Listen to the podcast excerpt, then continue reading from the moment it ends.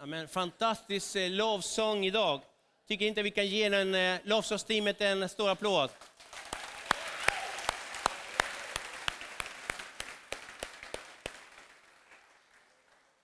Härligt. Det är så mycket glädje i huset. Det är bra. Eh, om du är här för första gången, eller andra gången eller tredje gången hoppas jag att du känner dig välkommen. Finns det några här som är nya, som har varit här en, två, tre, ja men titta, välkommen, välkommen, välkommen, välkommen. Vad roligt. Du har hamnat i Citykyrkan Stockholm. Uh, och mitt namn är Jorge Moreno, en av pastorerna här i huset och tillsammans med min fru vi tjänar Gud i, här. Uh, vi befinner oss just nu i en predikoserie där vi pratar om den apostoliska bekännelsen.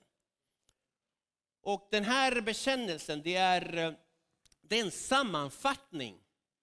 Det är en sammanfattning av det, allt det vi kristna tror på. Och vi tror på en treenig Gud. Gud Fadern, Gud Sonen och Gud den helige Ande. Och det är vad vi pratar om nu.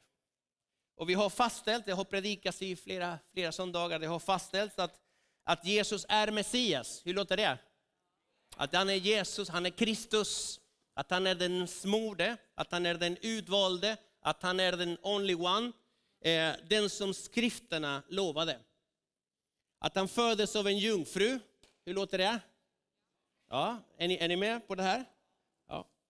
Att han blev korsfäst, att han dog på ett kors, att han blev begraven, att han steg ner till dödsriket, att han uppstod igen från de döda på den tredje dagen. Eh, hej, den gillade ni. Att han steg upp till himlen.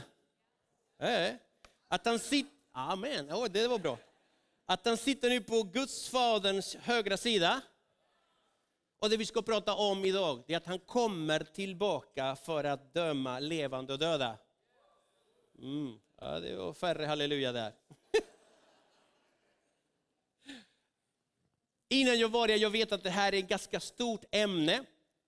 Det är ett stort ämne och det är lätt när man pratar om, om Jesus andra tillkommelse att hamna i diken. Här eller där. Eh, det är därför jag ska försöka hålla mig till mitten någonstans. Mm. Jag ska inte försöka mig på det här med att gissa när han kommer. Nej, tack. Ja, det var någon som sa den 30 februari, men jag vet inte om det stämmer. Det tar en liten stund. När, hur och varför Jesus kommer tillbaka är något som ingår i en teologisk, ett teologiskt ämne som kallas för eskatologi. Och eskatologi handlar och behandlar läran om den, de yttersta tingen och döden eller läran om världens och tidens slut. Med andra ord, eskatologin behandlar saker som inte har hänt än och som ligger i framtiden. Problemet med detta är att det kan leda oss till vilda spekulationer och konspirationsteorier. Och det har skrivits mängder av böcker om detta ämne där man har försökt med vershändelser och bibeltexter gissa när Jesus kommer tillbaka. Men kom ihåg, han kommer den 30 februari. Eh, det jag vill understryka här, det är att oberoende när detta kommer att ske, oberoende hur detta kommer att ske, det viktigaste är att det kommer att ske. Mm. Så det viktigaste är inte när eller hur, utan att, att han kommer tillbaka för att hämta sitt folk till himlen. Om den dagen eller stunden vet ingen något, så Jesus. Inte himlens änglar, inte ens sonen, ingen utan Fadern. Så låt oss ha det där framme. Det här med himlen, Himlen är inte en plats där jag först och främst flyr från alla, alla, alla hemska saker som händer här på jorden. Himlen är inte en plats där jag kan få belöning för alla goda saker som jag har gjort i detta liv. Utan himlen är platsen där han bor. Jesus är där. Jag kommer inte hit till himlen för att få något eller för att slippa något, utan jag kommer till himlen för att träffa någon. Träffa honom. Jag kommer till hans himmel. Och den dagen mina vänner, vi träffar honom ansikte mot ansikte, mellan fyra ögon. Jag hoppas att du har planerat vad du ska säga. Jag har många gånger sagt, liksom, jag ska säga så här och så här, eller jag ska göra, jag ska springa, jag ska krama, inte vet jag. Liksom. Men mer och mer landar jag att när jag får se honom, jag kommer att bli totalt paralyserad. Inte för att jag blir rädd, utan för att jag kommer att bli helt slagen av hans kärlek. När man jag fattar hur mycket han älskar mig och älskar dig, jag tror att man blir väldigt, väldigt tyst. En sak som jag ser i Bibeln, det är att han har alltid försökt, Gud har alltid försökt bo mitt ibland oss. Eh, han har inte riktigt släppt tanken med att umgås med oss och ha gemenskap med oss. Och detta kan vi se redan i paradiset. Och i Gamla Testamentet, han säger jag ska bo mitt ibland er. Först i tabernaklet och sen liksom i templet i Jerusalem. Jag ska bo i det allra heligaste. Jag vill bo mitt ibland mitt folk. Och i Nya Testamentet flyttar Jesus, eller flyttar Gud från den allra heligaste och han säger jag vill jag bor mitt ibland er. Där två eller tre samlas i mitt namn, var är, var är Jesus? Där, mitt ibland oss. Så han bor, försöker bo här, men när vi kommer till himlen, det är vi som ska bo hemma hos honom. Det är det som är annorlunda. Därför uppmanade Jesus sina lärjungar att leva med det här hoppet att han skulle komma tillbaka för att hämta de troende, för att vara med honom i all evighet. Och Det här är något som Jesus pratade ofta om. Och låt oss starta där med den här bibeltexten, Johannes kapitel 14. Vi börjar där. Vers 1 till 3.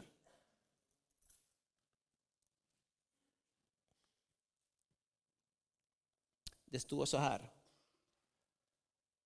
Låt inte era hjärtan oroas. Tro på Gud och tro på mig. I min faders hus finns många rum. Om det inte vore så skulle jag då ha sagt er att jag går bort för att förbereda plats åt er. Och om jag än går och, för, och bereder plats åt er ska jag komma tillbaka och ta er till mig. Varför? För att ni ska vara där jag är. Det här är vårt, vårt hopp. Och vårt hopp är, innehåller eskatologisk tro. Där vi sätter tro på saker som ska hända där framme. Vår frälsning har med detta att göra. Vad händer när vi dör? Har ni undrat det någon gång? För att det här ingår i det som kallas för de existentiella frågorna och förr eller senare, alla människor måste möta den här frågan. Vad händer med mig när jag dör? Och en sak kan vi vara säkra på, alla vi kommer att uppleva det. Men Bibeln säger att den relationen som jag har påbörjat med Jesus i det här livet fortsätter i nästa liv. Att min vandring med Jesus som börjar i det här livet fortsätter. Vandringen fortsätter in i himlen. Döden kan inte stoppa den här relationen. Döden kan inte stoppa den här vandringen. Döden är besegrad. När Jesus ropade från korset, det är fullbordat och på tredje dagen uppstår han. Mina vänner, döden är besegrad. Visst är det inte roligt det där? Det är roligt att veta att vad du än upplever i det här livet, döden är inte slutet, utan det är början på något fantastiskt tillsammans med vår Jesus. Vår tro är skatologisk och den behöver förankras i det som kommer. I det som Herren har lovat. Annars finns det en fara och det är att vi bara förankrar oss i det här livet lite för mycket. Lägg inte ankare här, för att vi är bara på väg. Vi är bara pilgrimer mot vårt egentliga hem, himlen, där vår Herren väntar på oss. Det är en sån där grej som jag, vänt, jag tror faktiskt att Jesus kommer att säga när vi kommer till himlen och träffar dig och mig. Så äntligen är du hemma. Åh, välkommen hem. Ja, det ska bli gott. Gud är historiens Gud. Och Bibeln gör tydligt för oss att det finns tider och stunder som Gud Fader i sin gudomliga makt fastställde redan världen fanns till, innan begynnelsen. Och han säger till lärjungarna när de vill veta, när händer det här? När händer När kommer det hända? Ge oss ett datum. Han säger, det är inte er sak att veta vilka tider eller stunder som Fader i sin makt har fastställt. Apostlagärningarna 1 och 7. Och i och med de händelserna som präglade Jesu första ankomst, för det finns flera, det finns, vad var det som sa, 200-300 profetier i Gamla Testamentet om att han skulle komma. Så det har profeterat att han ska komma. Och det är händelser, det finns händelser kring hans första ankomst har påverkat vår historia. Och från och med de händelserna, det kallas för en ny tidsålder. Vi brukar säga Nya Testamentet, men det finns andra namn för den här tidsåldern. Det kallas för nådens tidsålder. Så vi lever i en tid av nåd från Gud. Det finns en möjlighet för varje människa, oberoende var man kommer ifrån och oberoende hur man ser ut och oberoende vad man heter. Det finns en möjlighet att möta vår frälsare och att lära känna honom och att följa honom. Vi lever i en tid av nåd. Jesus möjliggjorde detta genom korset. Det kallas också för församlingens tidsålder. Varför då? Jo, för att den här tiden skulle bli präglad av ett folk. Ett folk som tror på Jesus, som följer Jesus och som förmedlar det glada budskapet. Vilket är det glada budskapet? Att Jesus är inte död, att han lever och att det finns förlåtelse för våra synder och det finns ett evigt liv för var och en som tror på honom. Det kallas också för Messias tidsålder. Kungen har trätt in i historien och han har kommit för att etablera sitt rike här. Ljuset tränger undan mörkret och det gör han genom sitt folk.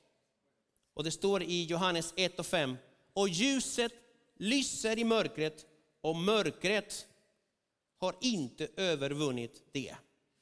Ljuset vinner alltid över mörkret. Alla dagar i veckan.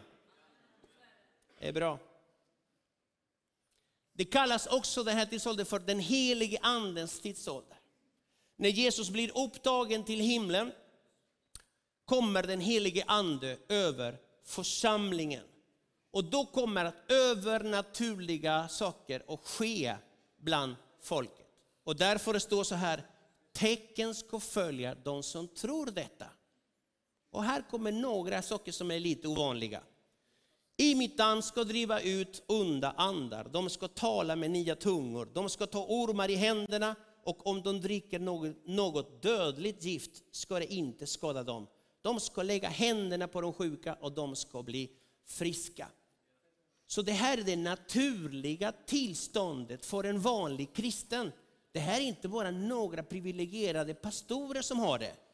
Utan tror du på Jesus, då är dessa tecken som ska följa dig. Och det man behöver göra, det är att bara med en liten försiktig, får jag be för dig?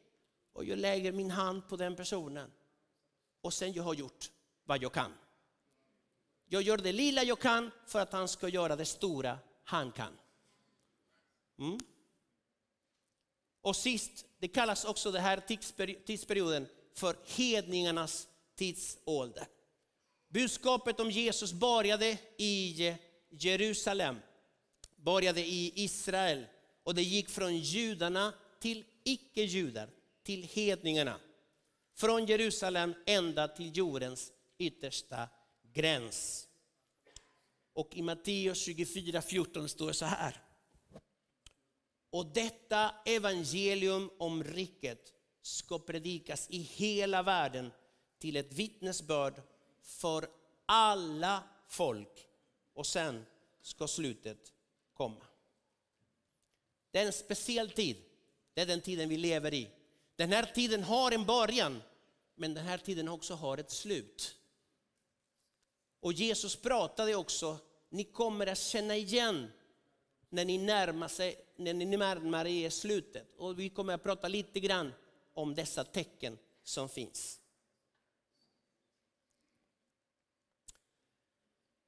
När Jesus kom, den första ankomsten, den första gången han kommer, han kommer med ett syfte. Och det är att vina över Satan, vina över döden, vina över synden, vina över världen. Det är syftet han har. Han vill manifestera, synliggöra vem Fadern är. Han kommer för att etablera Guds rike här på jorden.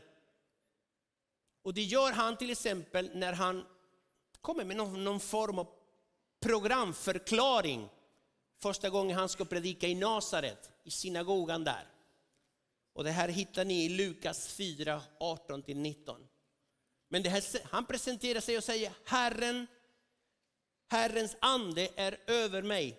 Ty han har smort mig till att predika glädjens budskap för de fattiga och han har sänt mig till att ropa ut frihet för de fångna och synd för de blinda för att ge de betryckta frihet och predika ett nådens år från Herren. Och folkets spontana reaktion lät sig inte väntas. Låt oss döda honom, sa de. Det var inget amen, utan det var amen. Vad är det han säger? Det här är hädelse.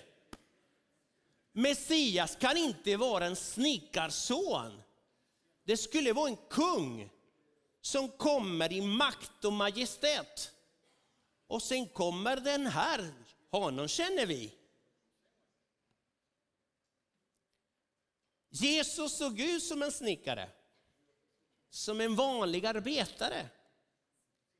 Men han var också kung. Och han kom till jorden för att etablera sitt rike här. Han såg ut som ett lamm, men han var ett lejon.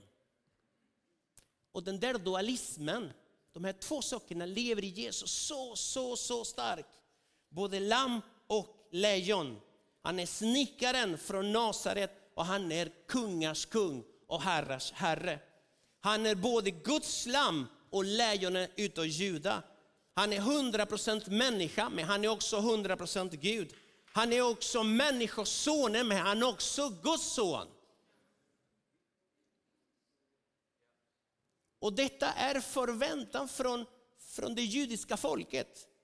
Att det ska komma någon stor som ska befria oss från den romerska ockupationen. Men det fanns i profetierna också tecken på att Messias skulle vara också en Herrens tjänare, den lidande Herrens tjänare. Och i Jesaja 53, 5, hela 53, kapitel 53, det beskrivs jättedetaljerat vad som kommer hända på korset. Men jag vill bara läsa vers 5, där det står så här. Han var genomborrad för våra överträders skull slagen för våra missgärningars skull. Straffet var lagt på honom för att vi skulle få frid och genom hans sår så är vi helade. Där har vi Jesus som lamm. Men jag vill läsa också någonting också om honom som kung. Och första krönikeboken, vers 17, 12 till 14. Där står så här. Det är Gud som talar med David. Han ska bygga ett hus åt mig. Och man kan tycka att det här är Salomo, men det finns mer här. Han ska bygga ett hus åt mig och jag ska befästa hans tron för evigt. Det kan inte vara Salomo. Jag ska vara hans fader och han ska vara min son. Min nåd ska inte vika från honom så som jag lät den vika från den som var före dig. Jag ska hålla honom vid makt i mitt hus i och i mitt rike för evig tid och hans tron ska vara befäst för evigt. Det här har vi en kung som skall komma.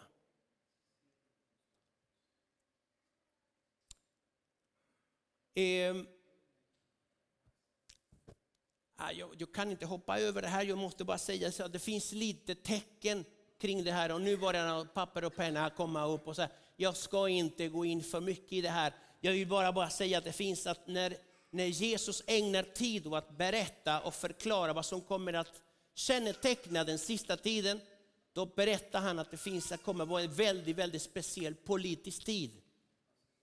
Det kommer att bli kaos, det kommer att bli krig.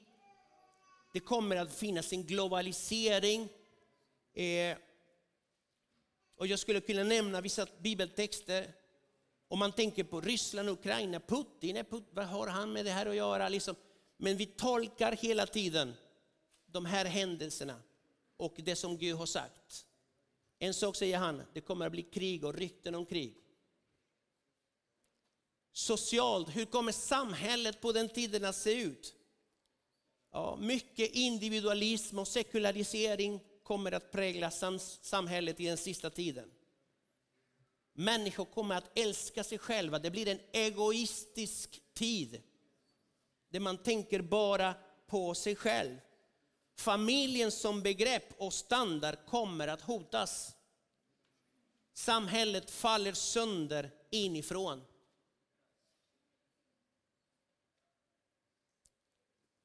Våldet och ondskan kommer också att prägla den här tiden. Det här känns inte alls som att man talar tro här.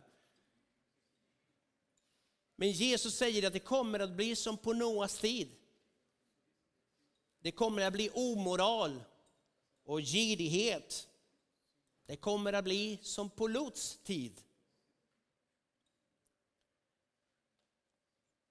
Det som kommer att prägla den här tiden religiöst, det är andlig förvirring. En förvirring utan dess like. Inga klara regler, normer eller linjer. Premissen är ungefär så här. Gör det du vill, så länge du vill, så länge det känns rätt för dig. En hel del människor kommer att tala om sig själv som Messias och Jesus sa följ inte dem. Hur kommer uh, bli Guds församling? Ja, bilden av Guds församling på den tiden den är också lite delad. För att det finns en hel del som kommer att låta loss, loss, laglösheten tillta och kärleken kommer att svalna hos en del. För det här beskriver hur församlingen kommer att vara. Men samtidigt, det står att e- evangeliet om riket ska predikas. Så det finns också den delen. Det finns levande människor som lever nära Jesus och som vill att budskapet om Jesus ska nå andra människor. Så det kommer att vara en missionerande församling också. Det pratas också om tecken som det handlar om ekonomi. Hur en global ekonomi kommer att ta mer och mer form. Det talas om naturen, om klimatförändringar och att dessa tecken kommer att skapa ångest hos folket. Det pratas om sjukdomar, epidemier. Har corona med det här att göra? Det vet jag inte. Och det talar också om Israel och Jerusalem.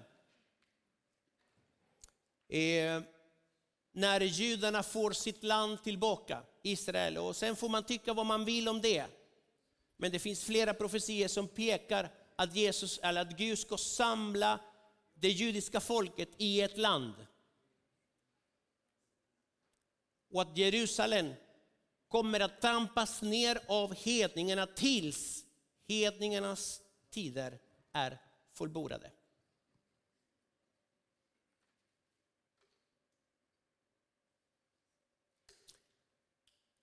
Som sagt, det här kan pratas mycket, mycket längre och en halvtimme tycker jag det är lite för lite för detta.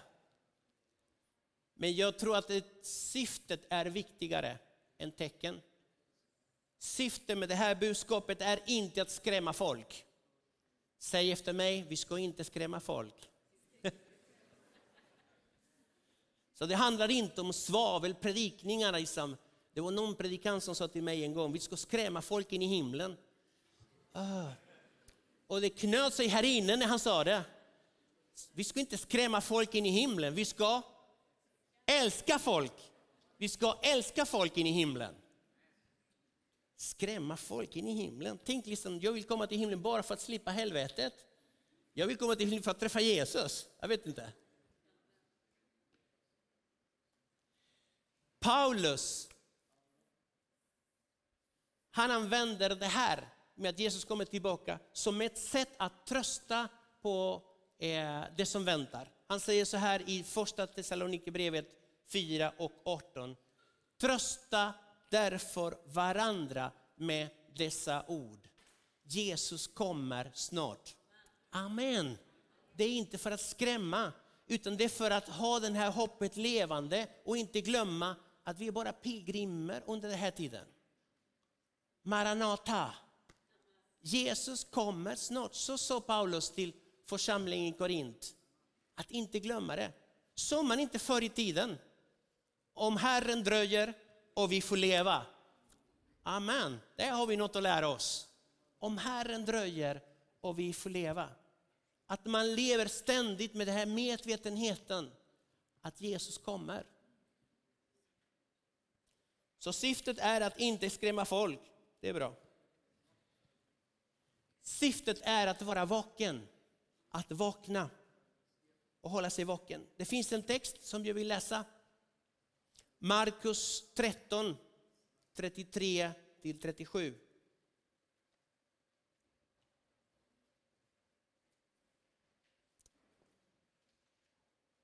Jesus säger så här på ett ungefär innan, när ni ser allt detta hända ska ni på samma sätt veta att han är nära och står vid dörren.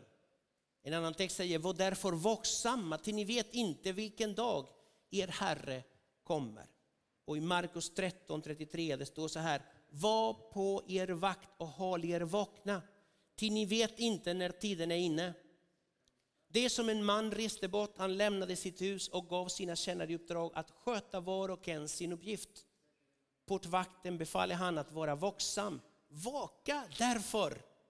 Ni vet inte när husets herre kommer, om det sker på kvällen eller vid midnatt eller på efternatten eller på morgonen. Vaka så att han inte plötsligt kommer och finner att ni sover.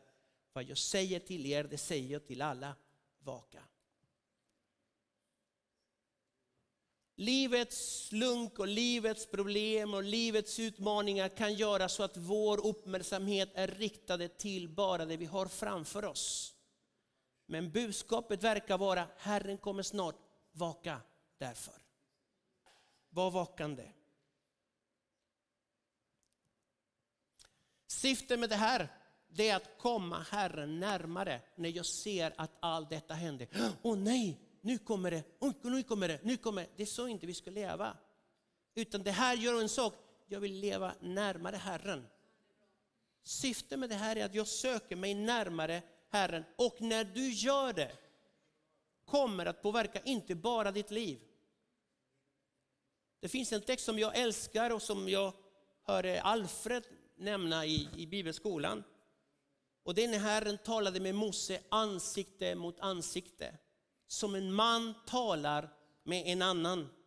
Sedan vände Mose tillbaka till lägret med hans kännare Josua Nuns son, som var en ung man, lämnade inte tältet. När du söker dig närmare Herren, det kommer att påverka andra människor också. Människor runt omkring dig. Och framförallt en sak som jag tänker på, Eh, det är nästa generation. När vi söker oss närmare Gud, det påverkar våra barn. Det påverkar våra barnbarn. Och det vill jag helst av allt. Att mina barn också ska bli påverkade av den kärleken man har för Jesus. Och sist jag vill säga det är att syftet med att Jesus kommer tillbaka, det här budskapet, det är att leva medveten om att vi lever i en profetisk tid. Om det stämmer att vi är nära, det innebär att vi lever slutet av den här tiden.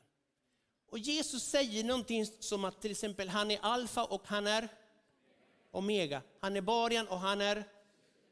Det innebär att om han har tänkt att ha sin församling här och det här är början och det här är slutet och han välsignar med sin heliga ande så enormt i början. Vad kommer han inte att göra med den sista? Och han gav så mycket styrka och frimodighet och apostolisk kraft till Alfa-församlingen. hur mycket ska han inte göra med omega-församlingen?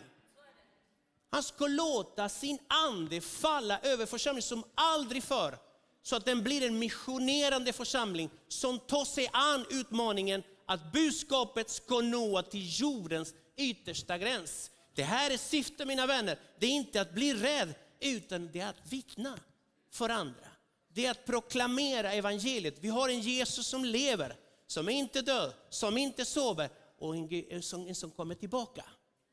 Och den här tar oss till att det här budskapet är flera som måste höra det. Om Herren dröjer, det är för, inte för att han har tappat sin klocka. Om Herren dröjer, det är för att flera ska bli frälsta. Så låt oss vara med i den uppgiften, i den uppgiften att predika evangeliet överallt. Jag vill avsluta med en sak. Och det här, jag har fastnat för det här med lammet och lejonet. Lammet och lejonet. Att i dopet, i Jordanfloden, Jesus kommer total underordnad Guds vilja som ett lamm. Men där får han den helige ande och reser sig upp därifrån som ett lejon. I korset ser vi en som lämnar sig helt och hållet och Guds vilja blir korsfäst. Han är Guds lam som offras för oss. Men han ropar det är fullbordat, det är inget bräckande mina vänner, utan det är ett lejon som ryter. Vid uppståndelsen, han kommer till sina lärjungar och säger grabbar, jag lever. Han kommer som ett lamm, men när han säger gå ut i hela världen och predika evangeliet, och ni ska få den heliga ande och ni ska vara mina vittnen. Så ni ska predika med kraft. Det är inte ett lamm som bräcker, det är ett lejon som rytter och som talar till andra lamm. Nej, talar till andra lejon. När Jesus kommer tillbaka, mina vänner, det är inte en snickare som kommer, det är inte en snickarson, det är inte ett lamm, utan det är kungars kung, det är herrars herre och han kommer för att döma. Han kommer i all sin prakt, i all sin makt och all sin härlighet. Det är inte längre mannen från Nasaret, utan det är mannen från himlen som kommer för att hämta. Den här dualismen gillar jag, för att den finns i Jesus. Både och. Och därför tror jag också att vi behöver den. Att vi behöver vara mjuka som lamm. Men ibland, mina vänner, vi måste ryta. Speciellt när vi ser mörkret härja i våra städer, eller i våra kyrkor, eller i våra familjer, eller bland våra barn och barnbarn, i våra skolor eller på arbetsplatser. Då är inte ett bräckande som ska höras mot himlen, utan det är lejonen som ryter. Herren hjälper oss att hela tiden vara mjuka men ändå att använda oss av den auktoritet som Jesus har gett oss. Varför då? För att ljuset ska aldrig tränga undan mörkret. Och mörkret har ingen makt där i. Kan vi ställa oss upp?